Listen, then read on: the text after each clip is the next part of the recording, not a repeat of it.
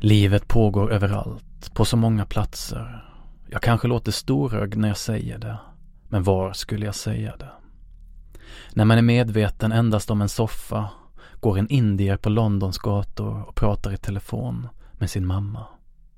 Och när man dricker kaffe får någon sparken för att hon haft synpunkter på omsorgen som de gamla får i England.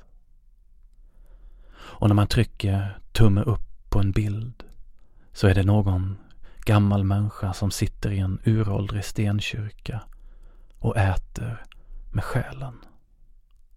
Och när man ser ett helt vanligt nyhetsprogram så pågår det tortyr i en källare. Och när jag är död kommer de unga upptäcka London. Och jag kanske låter storögd när jag säger det.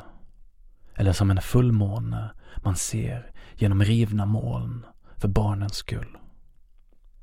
London ler med sin eviga ungdom, med eviga läppar mot en lika evig ungdom som tunnelbanan sväljer i ett mörker som alla hittar i.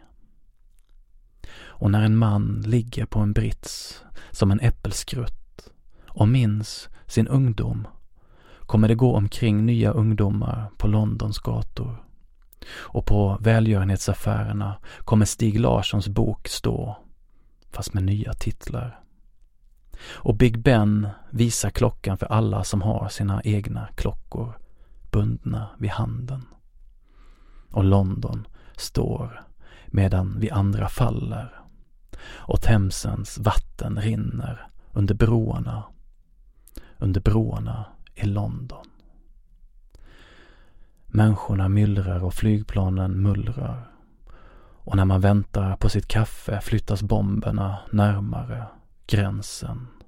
För att vi alla ska leva i avskräckning och fred och kunna njuta av London.